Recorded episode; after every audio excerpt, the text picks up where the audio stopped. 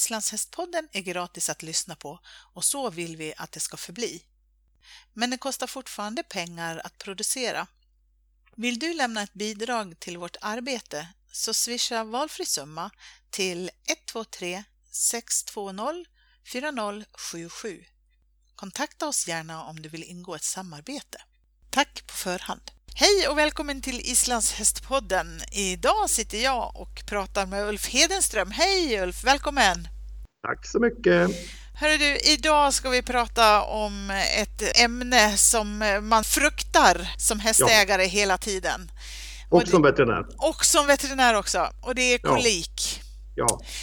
Du, men innan vi börjar, berätta, vem är Ulf för den som inte känner dig? Ja, Ulf Hedenström jobbar som riksanläggningsveterinär på Vången, har varit här i 18 år och vi har ju trav och islandshästutbildningar, utbildar skötare och tränare och andra professionella inom framförallt trav och islandshästbranschen då. Och en ganska stor forskning och utvecklingssida också. Så jobbar jag en hel del kliniskt och har faktiskt även haft en egen islandshäst. Så att islandshästar har varit en stor del av mitt liv. Se där ja. Men du, det här med kolik då. Vad är kolik egentligen? Kolik är ett samlingsbegrepp på allt ifrån, eh, ja egentligen alla symptom som kommer från mag, magen, från magbukregionen på hästar. Man pratar ju om tarmkramp på svenska, man pratar om akut buk på människor när man kommer in på akuten och har ont i magen och det kan vara en massa olika orsaker till vad det är som gör ont där inne. I ena änden av spektrat så har man helt ofarliga saker. Det kan vara en äggstock som släpper ett ägg.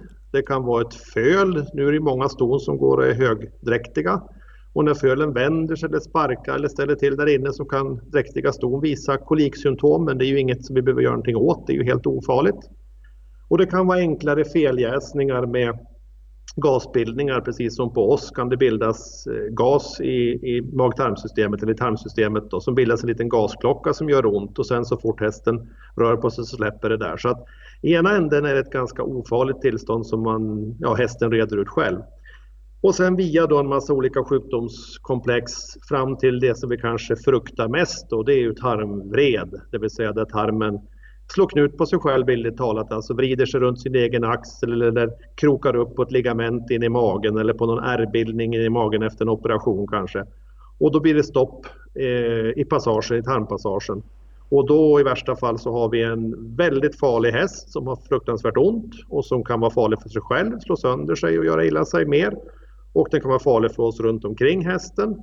Och det kan i värsta fall, om inte man kan akutoperera dem där, så kan det då vara ett fall för eh, ja, att man helt enkelt måste ta bort hästen. Mm. Så att det är allt ifrån eh, himmel till helvete kan man säga kolik. Ah, usch ja. Men du, alltså hur ser man symptomen och vad, vad ska man göra? Ja, givetvis så finns det ju en viss koppling mellan hur, hur, allvarliga symptomen är. Och har man ont i magen som häst, och nu pratar jag väl islandshäst lite mer, då, där har man ställt till det lite för sig genom islandshästrasen för de är ju ganska tuffa och smärttåliga. Mm. Så vi kan inte förutsätta att de alltid ligger och rullar sig eller tittar åt magen eller att de är så speciellt utåtagerande utan det kan räcka med att de står och hänger, kanske har lite nedsatt foderlust. Och då gäller det att plocka in den där hästen, hitta den i, i gruppen i hagen eller hitta den ute på betet eller hitta den i, i stallet som inte kanske har riktigt haft aptit de senaste timmarna. Och så plocka fram termometern först och se om det kan vara någon infektion som är förklaring till det här om kroppstemperaturen är, är hög eller i undantagsfall låg men framförallt uppåt. Då. Eh, lägga örat mot buken, lyssna på buken, alltså bakom revbensbågen pratar vi ju då och höra om man hör några tarmljud högt upp eller lågt ner och på båda sidor, både högt upp och lågt ner både på höger och vänster sida. Mm. Eh, har man ett stetoskop, ett enklare stetoskop som jag tycker absolut ska finnas i stallet, då tar man det och då hör man ganska snabbt. Man brukar säga att en hästmage stannar aldrig, de äter ju i princip dygnet runt så att det ska alltid bubbla och låta där inne. Mm. På båda sidor, både höger och vänster sida. Och får man lite snabbutbildning också, kanske med hjälp av sin veterinär, då kan man ju också då kolla hjärtfrekvensen, alltså lyssna på hjärtat. Vilket också är svårt på en islandshäst, särskilt i vinterpäls. Men där kan också då hjärtfrekvensen ge en indikation på hur allvarligt det här är. För då, har den då vilopuls, det vill säga kanske någonstans 30, 35, 40 slag per minut, då har den ju inte jätteont, så den, den lurar inte hjärtfrekvensen. men kanske står där med 50, 60, 70 i vilo och hjärtfrekvens, ja då står den och har ont fast den inte alltid visar utåt. Nej, precis.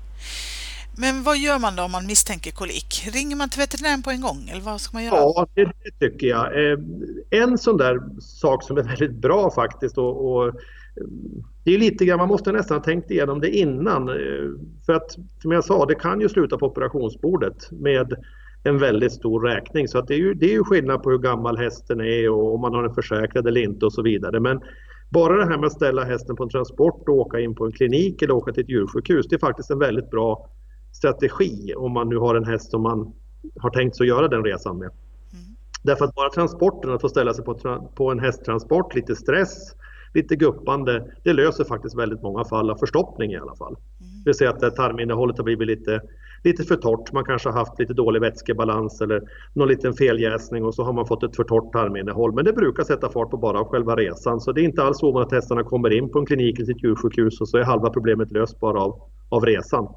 Och skulle det inte vara det, då är man ju på rätt ställe för att skulle det vara då som jag nämnde, någon av de värre sorterna, alltså en, en riktig förstoppning som, som kräver då vätska och lösande medel och smärtlindring och väts, alltså dropp, intravenöst dropp och så vidare, då är man ju på rätt ställe. Annars tycker jag man bör ta en veterinärkontakt så fort som det här inte släpper eh, direkt när man börjar titta på hästen att, att ja men nu kom den igång och bajsa och, och, och magen verkar funka, den återfick sin aptit då kanske man, kan, då kanske man inte behöver ta den där veterinärkontakten. Men annars bör man orientera sig om var veterinären är någonstans. Ofta är det ju då kvällar, helger, jourhavande veterinär, var är du någonstans? Eh, man berättar de här symptomen som jag just nämnde. Har hästen och magen verkar stå helt stilla, man hör inga tarmljud, hästen kanske börjar tempa upp lite grann, hästen börjar visa Eh, står med lite hög hjärtfrekvens, ja då kommer den där veterinären att prioritera om bland sina fall och försöka komma ut så fort det bara går. Mm. Men är symptomen lite åt det snällare hållet då vet man i alla fall att jag kanske har en resa åt det hållet och så kan man, kan man liksom förbereda och få de rätta råden. Så att absolut en veterinärkontakt på ena eller andra sättet om inte det eh, löser sig av sig självt och bara med en liten promenad kanske. Men eh, det här då med när jag ringer, är det bra då att ha koll på temp och puls ja. och eh, vad ska säga, ljud ifrån magen, att man har kollat det? Är det liksom det som, eh, om hästen äter eller inte äter och så? Är det det som veterinären kommer att vilja ha information om när jag ringer? Ja, och sen om som sagt att man har den lite mentala förberedelsen, hur långt jag vill att gå. Är det här någonting som jag Eh, vi ska lösa här hemma. För många jourhavande och distriktsveterinärer är jätteduktiga. De kopplar ju upp dropp och de kan återkomma flera gånger under en helg och de kan göra faktiskt fantastiska jobb ute. Men man ska komma ihåg att det är ju inte ett djursjukhus eh, behandling med alla de möjligheter som står till buds där. Så att det kan vara, kosta mycket pengar om en jourhavande veterinär ska komma en eller flera gånger men det kan kosta tiotusentals, ibland faktiskt mer än hundratusen att behandla en häst på Eh, klinik eller djursjukhus för den här typen av problem. Och har man inte de pengarna eller om hästen inte är försäkrad då vill nog veterinären veta det också för att kunna lägga upp en, en korrekt behandlingsplan. Mm. Och ibland så är det ju en äldre häst och då handlar det om att inte den ska lida eh, längre än nödvändigt. Det kan ju vara så att det har kommit tillbaks flera gånger, den kanske har varit opererad tidigare och fått komplikationer efter det och så vidare. Och då kanske det helt enkelt är bäst för hästen att få sluta sina dagar. Mm. Så närligheten mot både sig själv och eh, den behandlande veterinären är väldigt, väldigt bra. Eh, och så sjukdomshistorien bakåt då. Och sen ju mer objektiva mått vi har på hur hästen mår, det vill säga temp, hjärtfrekvens, ljud eller inte ljud, i så fall var och så vidare. Det är ju mycket bättre eftersom att det inte alltid stämmer överens med det som hästen visar och hur allvarligt det är. Ja, precis. Eh, jag tänkte just, jag skulle fråga dig, du har nämnt det lite grann, men eh, om en veterinär kommer ut eh, jämförelsevis också om man åker in på klinik, vad är det veterinären gör? I första fall är det ju en bedömning att man, ju mer av det här det vi kallar anamnes, sjukdomshistoria, ju mer man kan reda ut det på telefon eller eh, det finns appar idag för att göra sådana lösningar. Att ju mer information man har desto, desto bättre kommer det här att sluta. Eh, sen gör man en bedömning av fallet, alltså är det ett fall vi kan hantera här ute i stallet eh, med de förutsättningar vi har här och nu eller måste vi skicka iväg den där hästen i morgon bitti när kliniken öppnar på den lokala, lokala regionala stället eller måste vi remittera iväg den till något av de större djursjukhusen redan i natt och hur i så fall gör vi hästen transportabel för att kunna åka dit. Vi har ju väldigt kraftfulla smärtlindrande preparat idag och de ska ju bara användas efter att veterinärerna har undersökt hästen. Man får absolut inte stoppa i hästen någon form av smärtlindring eh, innan för att då får man ju så att säga en falsk symptombild som gör att det blir omöjligt att fatta rätt beslut. Så det är väldigt lite behandlingar man kan göra som, som djurägare. Det är lite vid sidan av det du frågade. Men eh, man ger inte mycket mer behandling mer än att man tar reda på de här fakta, man rör på hästen eh, och sen så får veterinären bedöma hästen då som den är och sen börjar man då bestämma vad man ska göra i form av smärtlindring, om det behövs vätska, om det behövs olja för att lösa upp en förstoppning. Man kan även ge vätska, eh, sonda i hästen vätska men det är viktigt att den där vätskan hamnar i magsäcken. Det är några hästar per år som går åt tyvärr att man den där vätskan eh, hamnar i lungorna istället för i magen. Då går det inget bra. Eh, så man ska inte laborera med någonting sånt själv utan det ska utföras av, av bara av veterinär. Det är jätte, jätteviktigt att poängtera. Och sen brukar man rektalisera hästarna, vill säga att man stoppar in handen där bak och känner efter, försöker se om man kan hitta något felläge, se om man kan hitta någon del, något tarmsegment som är eh, förstoppat. Eh, och i så fall försöka komma så nära en diagnos som man kan då. Eh, och sen så i vissa fall lägger man upp en behandlingsplan där man tror att jo men det här löser vi nog, den här förstoppningen eller gasklockan kan vi nog få till med den behandling som finns med i bilen på vägen ut och så sätter man in den behandlingen och så kanske man återvänder senare på dagen eller dagen efter och så kanske ytterligare någon gång och så, och så ordnar man det där hemma i stallet. Det är väl den vanligaste skulle jag säga eh, utgången av det här. Mm. Eh, och sen ibland får man ta hjälp av, av lokala kliniker för att göra mer. Eh, eller då om man då har möjlighet och, och resurserna finns så skickar man iväg de där hästarna till närmaste djursjukhus för det är egentligen eh, djursjukhusfall i alla fall i sina värsta former. Alltså en häst som har haft kolik en gång, är den mera benägen att få det igen? Ja, det skulle jag säga. Dels så finns det en massa yttre förutsättningar med foderkvalitet, alltså hur, vilket foder hästarna äter. Och det kan ju vara så att de äter ett likartat foder Eh, gång efter annan så att säga. Då kan det ju vara, finnas en riskfaktor som finns i just den besättningen. Jag skulle säga att vissa stall är hårt drabbade och andra stallar är nästan aldrig drabbade och det tror jag beror på sådana här managementfaktorer som foder, vatten, hur länge hästarna får vara ute på dagen. Eh, väldigt viktigt med avmaskningsrutiner som vi ska komma in på lite mer sen och nämna. Så att absolut att det finns en, en koppling till vissa stall och inte till andra stall. Har man sen till exempel varit inne och opererat i en tarm då kan man också få eh, ärrbildningar och så i tarmen som gör att risken för att koliken kommer tillbaka, att det kan, att det kan återuppstå igen, absolut.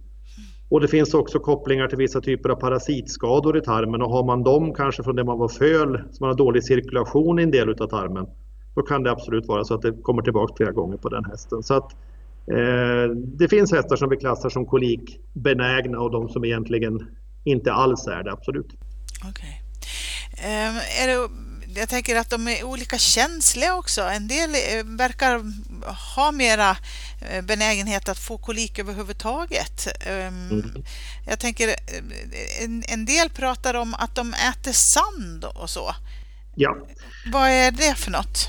Ja, det är en väldigt speciell form av kolik, det vi kallar sandkolik. Den ser vi ju inte alls i norra delen av Sverige, men där vi har sandhagar och väldigt mycket sand ute så finns det hästar som står och stoppar i sig eh, kanske lite av tristess, tristess eller att de står och äter gräs där det växer sand i, gräs i sand. Eller att de står och, och helt enkelt plockar i sig av den där sanden och då kan det vara så att man fyller magsäcken med sand och det kallar vi då för sandkolik. Och det är väldigt vanligt förekommande i södra delarna av, av, Sverige och nästan inte alls här uppe hos oss. Så det är lite specialfall kan man säga som är hyfsat lätt att få ordning på i alla fall. Det är inte sällan de där riktigt allvarliga fallen men det är klart sanden måste därifrån då med, med hjälp av sond och, och medikamenter då naturligtvis. Eh, jag har hört flera hästägare som säger att de ser på sina hästar när de börjar få ont i magen för de står och flemar, alltså de lyfter på överläppen. Eh, stämmer det? Eh, är det ja. liksom ett sätt som de visar eh, magont på? Det kan det vara. Det är väl inte det superklassiska. Det kan ju lika gärna vara att de försöker lukta lite på det sättet till exempel. Det sitter ju luktorgan där under läppen så att det är inte så där så att det är en absolut koppling mellan att flema och kolik. Men allt avvikande beteende, alltså konstiga att de står lite grann, skjuter lite rygg, har lämnat lite mat, eh, absolut lite beteenden och, och, lite, vi pratar mycket idag om pain face, alltså smärtansikte. Vi ser att hästen kanske, särskilt islandshästen, inte inte visar de här riktigt tydliga symptomen utan kanske hellre står och ser lite olycklig ut och lite eh, ögonen blir lite mindre och näsborrarna blir lite större och pulsen stiger och så vidare. Att det är snarare de här ganska små symptomen som man som hästskötare ser att nu mår inte min häst riktigt, riktigt bra. Och sen plockar vi fram då termometern och stetoskopet och, och observerar hästen under en tid. Då. plockar ut allt gammalt foder, plockar ut allt vatten och så tittar vi vad som händer där inne. Äter den verkligen någonting? Dricker den någonting? Eh, lägger den sig någonting? Alltså hur, hur är hästen? Och så får man ju en, en klarare och klarare bild av det där fallet allt som timmarna går. Då. Mm. Jag höll på att fundera på, du pratar om eh, vatten, du pratar om foder, du pratar om utevistelse och eh, naturligtvis en övervakning och så. Eh, min fråga är om man kan förebygga och slippa kolik. Det känns som att man skulle kunna göra en hel del åt det, eller? Ja, absolut. Dels det här att få vara ute och röra sig i sina fria gångarter så att magen håller igång. Hästarna är ju gjorda för att vara ute, och, precis som oss, för fysiskt arbete. Och får man vara ute och röra sig och alla former av utevistelse och lösdriftsrör, eh, alltså lösdriftsstallar och, och långvarig utevistelse, det är ju en, en positiv faktor. Sen eh, foder, alltså mängd och struktur på foder, att man får sin mängd fiber som håller magen igång. Vi vet ju att en kanske inte en liten, liten kraftfodergiva, men i alla fall en större kraftfodergiva eh, är förkopplat till problem i mag-tarmkanalen. Där kan kolik absolut knacka på dörren. Så att ger man stora mängder kraftfoder, alltså över ett par kilo, då bör man fundera på om man kan göra på något annat sätt och styra över mer till grovfoderbaserad foderstat för att minska risken. Eh, alla former av konstiga tillskott och konstiga växter som kan växa i en hage där man kanske av historien vet att där någonstans fick min kolik fick jag en kolikhäst förra sommaren. Då kan det ju vara att det, det som växer där helt enkelt inte är bra för hästen. Då tänker man på det när man drar stängslet året efter så att inte man får samma problem då. För det finns en del giftiga växter och förgiftningar som är kopplat till, till mag-tarmproblem också. Framförallt när betet börjar bli lite, lite magrare i slutet på säsongen. Eh, vatten som vi gör en helt extra sändning om att det alltid finns friskt vatten. Djurskyddslagen föreskriver ju egentligen bara att hästen ska få dricka sig otörstigt ett par gånger per dygn men vi vet ju att vill man ytterligare minska risken så räcker det ju ingenstans utan hästar ska ju ha bra vatten runt sig hela tiden. Och man kan råka, hästen kan råka bajsa det där och då är det bra att det finns på flera alternativa ställen och att den hygieniska kvaliteten och mängden är tillräcklig för alla hästar som, som vistas där de är. Och sen det här med parasiter och parasitbekämpning då, där har vi hamnat lite snett på det tycker jag för att vi är ju rätt så försiktiga med förskrivningen av avmaskningsmedel. Vi vill ju gärna att hästägarna ska ta prov innan. Men vi ska komma ihåg att då förutsätter ju veterinären att hästen är frisk. Eh, om det är så att ni nu på vårvintern här ringer och, och tagit ett träckprov, då måste man ju meddela sin veterinär att det här är faktiskt en häst som har haft kolikkänningar eller kanske till och med behandlats för kolik ett par gånger under vintern. Och då hamnar ju det här provsvaret i en helt annan dager, i en helt annan tolkning av veterinären. För vi vet att det finns tydliga samband mellan spolmask på unga hästar, och blodmask och bandmask på lite äldre hästar och benägenheten att få kolik. Och då lägger man ju upp ett avmaskningsprogram som passar just den individen i det stallet då, då och kanske också för kommande faktiskt år så att den ska eh, hamna i en annan riskklass. Då. Så det kan vara vettigt att eh, prata med sin veterinär eh, när man ska avmaska och upplysa om att man har haft en häst som har haft kolik under eh, perioden och så och upplysa om det då? Absolut, för det vi som sagt förutsätter ju, det är, en, det är ju skillnad på hälsovård och sjukvård och det här med att man tar prover på ett större antal hästar någon enstaka gång per år, kanske vår och höst. Det, det handlar ju om hälsovård för att eh, besättningen och betena ska gå så bra som möjligt.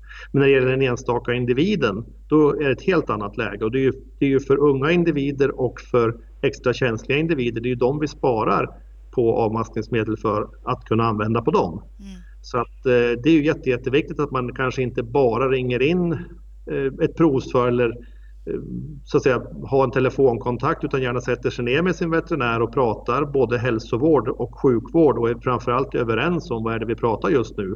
För hälsovård är ofta en besättningsfråga, alltså alla hästar som står i ett stall, hur ska vi vaccinera dem, hur ska vi avmaska dem? Men sen när vi kommer ner på den individuella hästen då är det väldigt mycket som är rätt och fel och det måste vi lyfta och, och våga diskutera. Vad bör jag ha hemma i stallet i apoteket för att kunna använda mig av vid kolik? Ja, det finns egentligen inga mediciner som man ska ge själv utan att, man, att veterinären har fått bedömt hästen först eller att man i alla fall haft en, en nära kontakt med sin veterinär. Men i, i övrigt så måste man ju ha en, en bra tillförlitlig termometer. Man måste ha gärna ett stetoskop för att kunna lyssna på hjärta och magljud. Det går att göra med örat men nu pratar vi ju mycket islandshästar och de är lite svårare med all sin päls och liten kroppsform.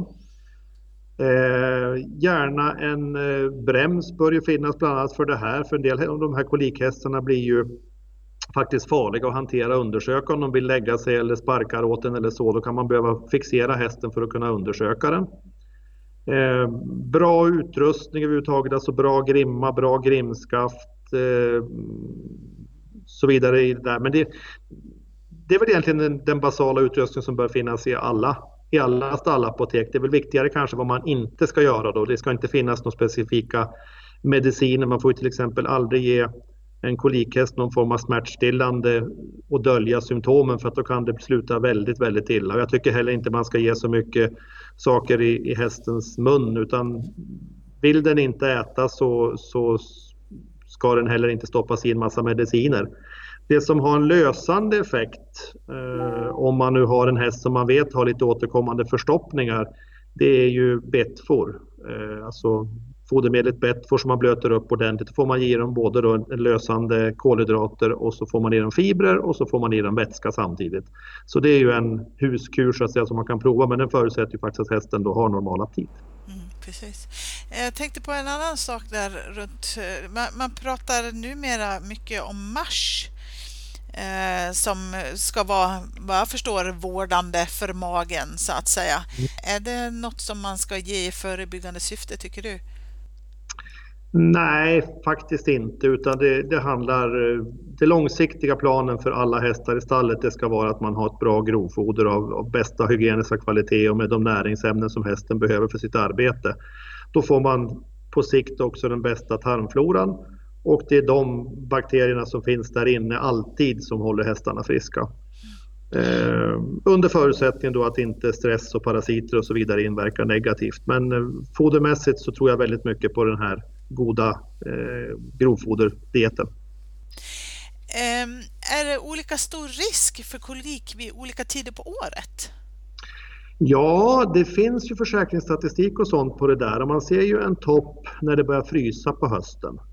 Oftast går det bra på sommaren, hästarna går ut, det löser sig lite med vätska genom foder och, och ja, man, man, löser det ganska bra för hästen. Men sen när vi stallar upp dem har vi också ganska bra koll. Men sen kommer en kritisk punkt när det börjar frysa. Det är lite ja, på senhösten och, och tidiga vintern då.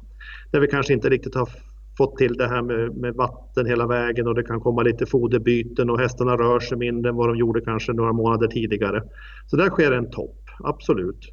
Eh, och jag tror även det kan finnas eh, lite toppar senare nu. Foderkvaliteten till exempel, det foder som vi skördade i fjol. Eh, det blir ju då, lagras ju på lite olika sätt och det kan ju få en, en sämre kvalitet nu på våren. Det är ju några månader sedan vi tog in det här fodret och då kan det påverka också negativt. Så att man absolut en säsongsvariation då, det finns det. Ser man någon skillnad tänker jag på hösilage användandet och höet eh, vid koliksammanhang? Ja, det vet jag inte, men jag, jag, har alltid sett eller läst att någon har studerat just det. Men däremot så innehåller ju hösilage per definition mer vätska och vi vet ju att vätska är en viktig komponent för att förebygga kolik. Så att teoretiskt sett så ska ju hösilage och gräs, alltså blött gräs, bete, vara bättre. Men sen är det ju mycket lagringsbetingelser och, och, jag kan tänka mig att ett dåligt lagrat eller dåligt ensilerat, dåligt skördat hösilage det kan ju många gånger vara sämre på vårvintern än ett torrt hö som har förvarats perfekt. Eh, som ju, det växer ju mindre in, i torrt hö än vad det gör i lite blötare. Så det är, det, är, lite både och med det. Men rent generellt så skulle jag säga att ju blötare desto bättre. Mm. Du, stort tack Ulf för att du berättar om kolik eh, och ger oss tips för att försöka hålla undan detta gissel för våra fyrbenta vänner. Absolut. Tack för att vi fick ringa dig. Tack så mycket.